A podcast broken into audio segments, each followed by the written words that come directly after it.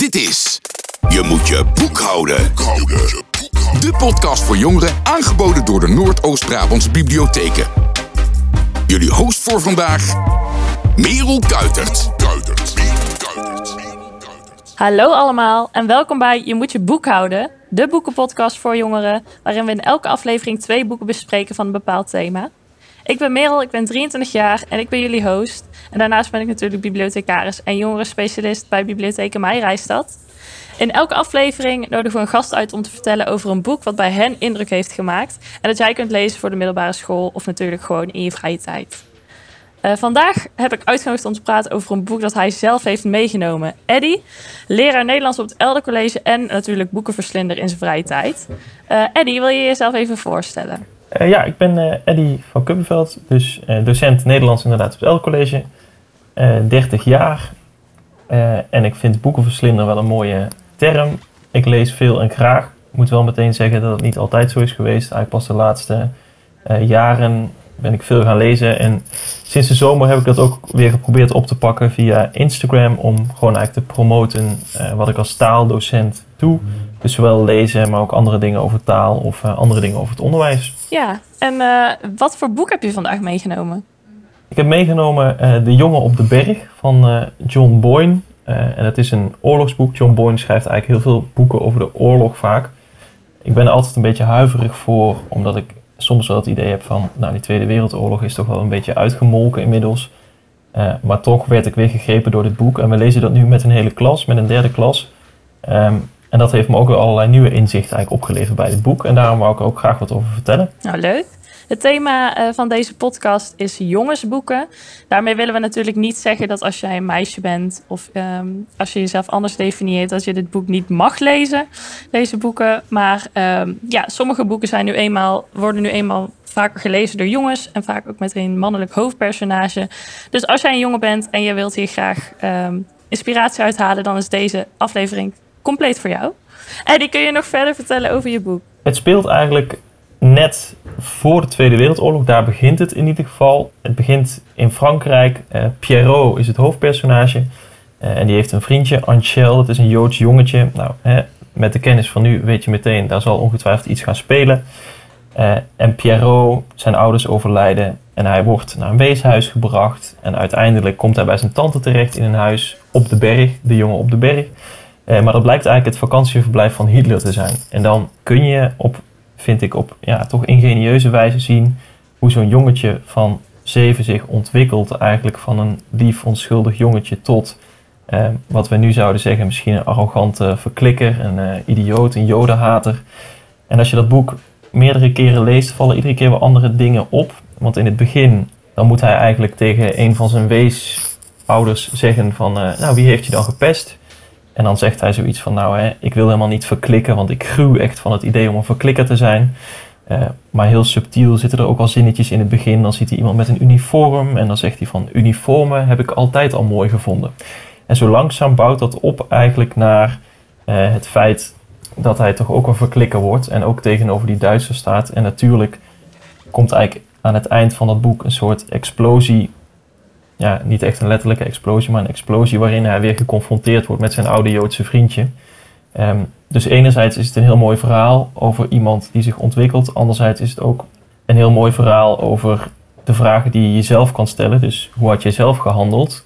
Of kun je het een kind kwalijk nemen dat hij zulke keuzes maakt? Dat is denk ik uiteindelijk de sleutelpassage ook in het boek, wat verderop, waarin iemand anders zegt van ja, je mag jezelf nooit voorhouden dat je dit allemaal niet geweten hebt. Want ook jij bent eigenlijk verantwoordelijk voor wat je allemaal wist, wat er hier gebeurde en wat er hier bedacht werd. Uh, dus op twee redenen vind ik het eigenlijk een goed boek. Ook omdat je leerlingen kan laten zien hoe kan zo'n personage zich nou ontwikkelen. Uh, hij, gaat, hij heet in het begin Pierrot, maar dat is natuurlijk te Frans. Dus aan het eind wordt hij ook steeds Pieter genoemd, want hij moet Duitser worden. Uh, en aan de andere kant is het ook een mooi verhaal, omdat je ook juist misschien in die puberteit vragen kan stellen over jezelf. Van wat zou ik doen, hoe had ik gehandeld? Al is dat best wel moeilijk om je dat voor te stellen natuurlijk, omdat wij niet in oorlog leven nu. Maar het zijn wel vragen, merk ik, waar je goed over na kan denken. Ja. En uh, de auteur John Boyne, die naam komt me best wel bekend voor. Heeft hij nog andere bekende boeken geschreven? Ja, ik denk dat een van zijn bekende, volgens mij staat het hier ook uh, voorop. Ja, uh, de auteur van The Boy in the Striped Pyjamas. Oh ja. Of De jongen in de gestreepte pyjama, die is natuurlijk ook verfilmd. Ja. En ook dat boek draait eigenlijk over een soort onmogelijke vriendschap, geloof ik, van een kind van een kant, kampcommandant en eh, een Joods kind in zo'n eh, concentratiekamp. Maar toch vind ik dat hij weer een soort nieuwe invalshoek heeft gevonden om dat verhaal eigenlijk nog een keer te vertellen. Dat vriendschap over rassen of over volkeren heen gaat, zeg maar. Ja. En dat vind ik, ja, ik vind dat echt knap dat je dat keer op keer toch weer in een boek weet te vervatten. Dat, Klinkt als een heel mooi boek, zeker een aanrader. ja, zeker. Ja. Ja. Ja. Ehm, nu we het toch over boeken voor jongens hebben. Ik heb Ronald Giphart benaderd. Ehm, en je kent hem misschien wel van zijn boeken Ik ook van jou of Filijn zegt sorry. De laatste staat namelijk ook op de leeslijst. Eh, en hij gaat iets vertellen over zijn nieuwste boek. En zijn nieuwste boek is Alle Tijd. En dat gaat over zes vrienden die samen een brouwerij beginnen. Dus ik vroeg hem om te vertellen over eh, Alle Tijd en over zijn eigen favoriete boek op de middelbare school. Dus eh, luister gewoon eventjes mee naar een stemopname van Ronald Giphart. Mijn naam is Ronald Giphart. Ik ben romanschrijver en Merel heeft mij gevraagd om eh, iets te zeggen over het thema jongensboeken. Dit naar, eh, aan de hand van mijn laatste roman Alle Tijd, dat over zes vrienden gaat. En inderdaad wel een soort van een jongensboek of een mannenboek is. Bij mij begon de liefde voor lezen op de middelbare school, onder andere met de boeken van Neschio. En eh, een van de beroemde eerste regels van een van die verhalen luidt: Jongens waren we maar aardige jongens. En daarin zit al een grappige tegenstelling. Want eh, jongens wordt dus eh, gezien, in de ogen althans van Neschio, en dat zal zijn omdat iedereen er toen erover dacht, als iets, ja, als, als, als een, een menstype dat toch niet zo aardig is. Jongens zijn natuurlijk een beetje brani-achtig. Eh, en je hebt in de literatuur heb je heel veel schelmenromans. Dat zijn dus boeken waarin eh, de hoofdpersonen zich jongensachtig gedragen. Dus eh, hoewel ze ontwapenend zijn, halen ze ook kattenkwaad uit en zeggen ze misschien niet altijd de correcte dingen. En als ik nou nog verder terugga naar de middelbare school, kom ik uit op de boeken van Pietje Bel.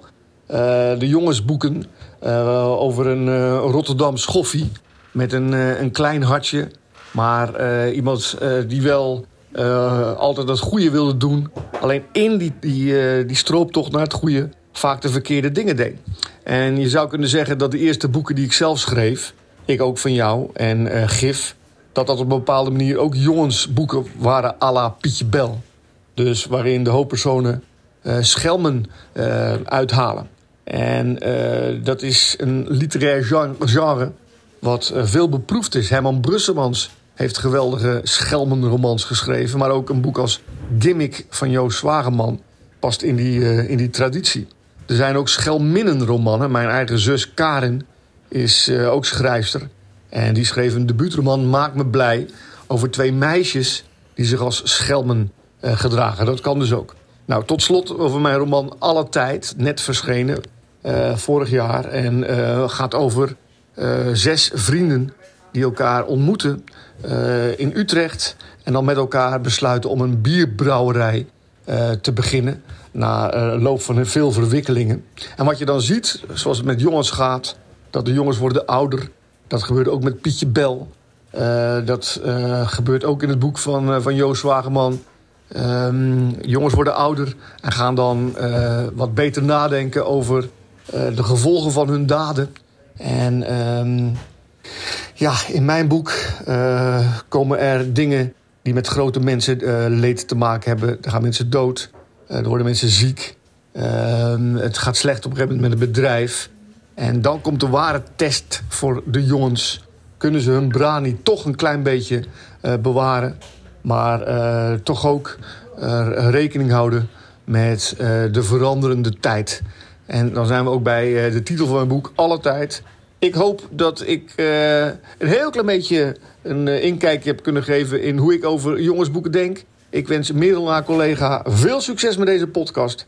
En de luisteraars veel plezier met het lezen van de vele geweldige jongensboeken die er in de Nederlandse literatuur en ook in de buitenlandse literatuur zijn te vinden. Bijvoorbeeld, ik noem maar even heel snel een, een titel: The Catcher in the Rye van J.D. Salinger, wat het jongensboek bij uitstek alle tijden is. Oké, dank jullie wel.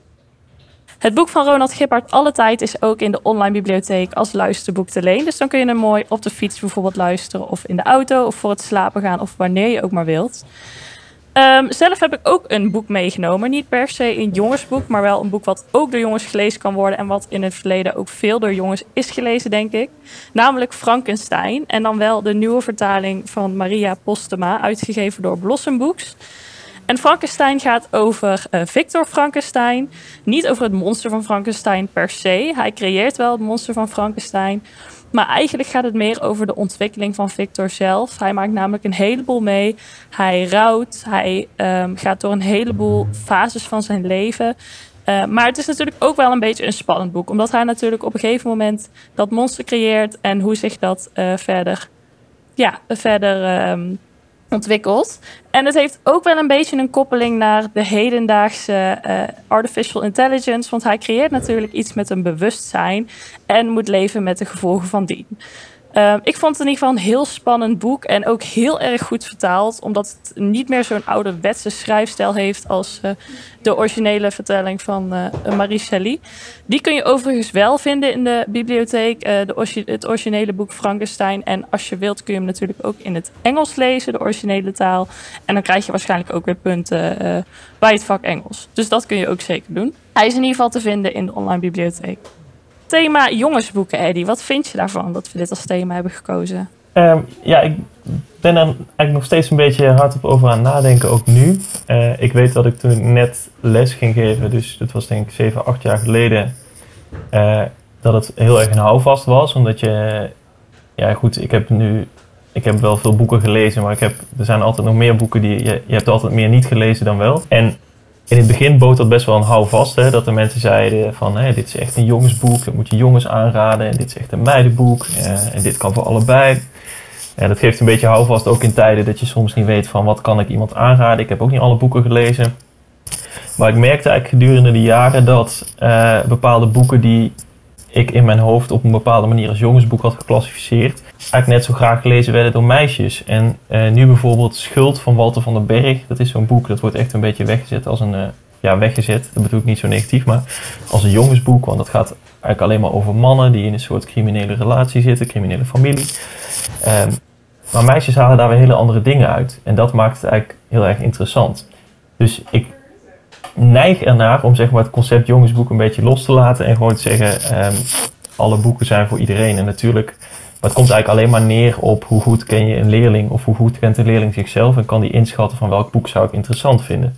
En er zijn juist boeken met jongens als hoofdpersonage, dus ook de jongen op de berg bijvoorbeeld, waar meisjes weer heel veel andere dingen uithalen. Of waar meisjes zeggen van ik mis inderdaad dat vrouwelijke perspectief een beetje. Uh, maar juist het gesprek daarover is denk ik veel interessanter dan bij voorkeur te zeggen: dit is een jongensboek en dit is een meisjesboek. En los dat je daar dan bij zou zeggen van uh, jij mag dit dus niet lezen. Zo werkt het natuurlijk niet. Maar uh, ik denk gewoon, ik vind het experiment eigenlijk veel interessanter om te zeggen: hé hey jongens, kijk eens, dit wordt uh, als een soort jongensboek beschouwd. Lees dat nou eens als meisje. Waarom is het een jongensboek of niet?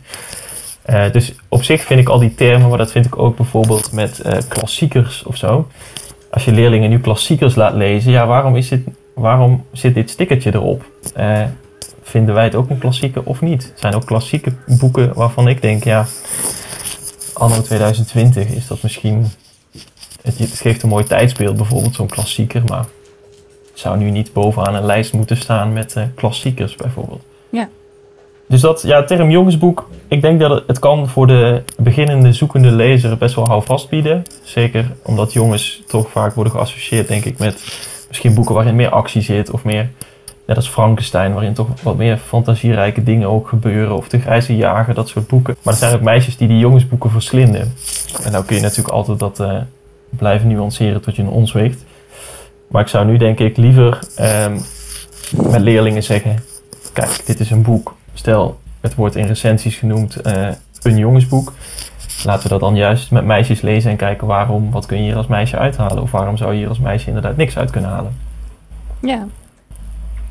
Ja, dat, dat, zou, dat vind ik ook wel interessant. Maar dat is eigenlijk ook de basisvraag misschien, hè, van wanneer, als je dat aan 4 VWO vraagt, van wat, wat maakt een boek nou literatuur bijvoorbeeld? Of waarvan onderscheidt het zich van een krantenbericht? Ja, dat zijn best wel moeilijke vragen en iedereen heeft er andere ideeën bij.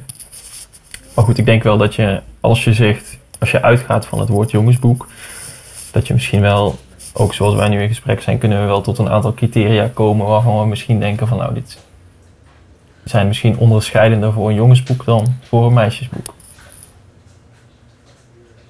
Um, Eddie, elke aflevering van de podcast doen we een snelle uh, dit of dat ronde. Dat betekent dat ik jou twee uh, opties ga geven en je mag eentje kiezen, uh, zo snel mogelijk. Dus probeer er niet te lang over na te denken. en dan gaan we later even je antwoorden bespreken. Ben je er klaar voor? Ja. De dit of dat vraag. vraag. Oké, okay, lees je liever in bed of in bad? Bed. Een harde of een zachte kaft? Harde. Fictie of non-fictie? Fictie. De rest van je leven gratis boeken of in de wereld van je favoriete boek leven? De rest van mijn leven gratis boeken. Je favoriete auteur of je favoriete karakter ontmoeten? Favoriete auteur. Lezen met of zonder snacks? Zonder. Binnen of buiten lezen? Binnen. Een serie of een alleenstaand boek? Alleenstaand boek. merkte dat het toch wel lastig uh, meteen antwoorden ja. was. ja, ik zat meteen te denken, ik heb hier ook hele series in mijn kast staan. Oh ja. Ja. Uh, je zei uh, liever je favoriete uh, auteur ontmoeten. Dan ben ik wel heel erg benieuwd wie jouw favoriete auteur dan um, is. Ja, dat, dat vond ik ook wel een interessante kwestie. Want het zit ook een beetje in die fictie-non-fictie vraag. Ik heb nu in mijn lokaal een soort wall of fame van schrijvers die ik interessant vind. Mm -hmm. En één daarvan is ja, toch Ida Leonard Pfeiffer. En dat is wordt ook door veel mensen ofwel gehaat ofwel uh, geliefd. Maar ik heb hem ooit een keer zeg maar, in het echt gezien. En sindsdien ben ik een beetje bevangen door de... Ik vind dat hij ook een soort mythe om zichzelf heen creëert. Van uh, ik ben een schrijver en ik woon in Italië. En ik heb zo'n wilde haardos en een baard. En uh, ja, ik vind zijn taal... Ja, ik kan er echt van genieten. Zeg maar. Als ik dat lees, dan ben ik dat echt aan het genieten. Maar dan moet je ook... Ja, ik ben ook wel echt een taalnerd, zeg maar. Ik vind dat echt mooi en dan kan ik, ik kan die zinnen drie keer overlezen en dan denk ik, och, wat schitterend geformuleerd. Andere mensen vinden dat verschrikkelijk, want ze komen er niet doorheen. En eh, wat ik aan hem interessant vind, dat is misschien dan de, de meest rationele reden. Hij is, vind ik als schrijver ook heel duidelijk aanwezig zeg maar, in de maatschappij. Dus hij vindt dingen over massatoerisme en over die vluchtelingenproblematiek. En, um, en dat vind ik eigenlijk wat je in de 18e en 19e eeuw ook had, van die schrijvers die zich roeren in de maatschappij vind dat wel een waardevolle functie van een schrijver. Dus als je kan zeggen, ik kan ook een verhaal verzinnen, maar ik kan daar ook wel een soort les in stoppen waar wij allemaal iets aan zouden hebben. Uh, en dat vind ik wel, daarmee is niet gezegd dat schrijvers die alleen maar gewoon een boek schrijven en zeggen, zo, het was fictie, klaar. Uh, dat kunnen ook prachtige boeken zijn. Maar ik vind het altijd mooi als het ook nog iets toevoegt aan mijn beeld van de wereld, of mij in ieder geval heeft aangezet tot denken daarover. En dat doet in ieder geval zijn laatste twee boeken, of laatste drie, hebben ja, dat bij mij ik. wel Er zijn er ook gedaan. zoveel die je waarschijnlijk wil ontmoeten. Maar ik vind het altijd moeilijk om een favoriete auteur of een... er zijn zoveel mooie en leuke boeken. Uh, dat ik hem dan liever zou ontmoeten eigenlijk, om gewoon dan te praten over hoe hij in het leven staat, zeg maar. En dat het... Ik zou best ook wel een karakter willen ontmoeten misschien, maar dat blijft dan toch te fictief misschien of zo. Of dat kan ik in mijn hoofd nog niet voor me zien, zeg maar. Maar dat is misschien meer nou, mijn daarmee komen we alweer aan het einde van deze aflevering. Allereerst, uh, Eddie, wil ik jou heel erg bedanken. Maar natuurlijk ook Ronald voor al jullie input. En natuurlijk de luisteraars. Uh, de volgende keer nodig ik mijn collega Janneke uit. Uh, dan hebben we het over waar gebeurde verhalen. Mocht je niks te doen hebben in de tussentijd... kun je natuurlijk de eerste aflevering nog terugluisteren... of een lekker boek pakken... of ons vertellen wat jij graag leest... of las op de middelbare school. En uh, dan wil ik jullie uh, bedanken... en tot de volgende keer bij de podcast Je moet je boek houden. Dit was Je moet je boek houden. Luister over twee weken naar een nieuwe aflevering via jouw favoriete streamingsdienst. Ga ondertussen delen, liken, stuur ons berichtjes met je vragen of opmerkingen, maar ga vooral lezen. Lezen.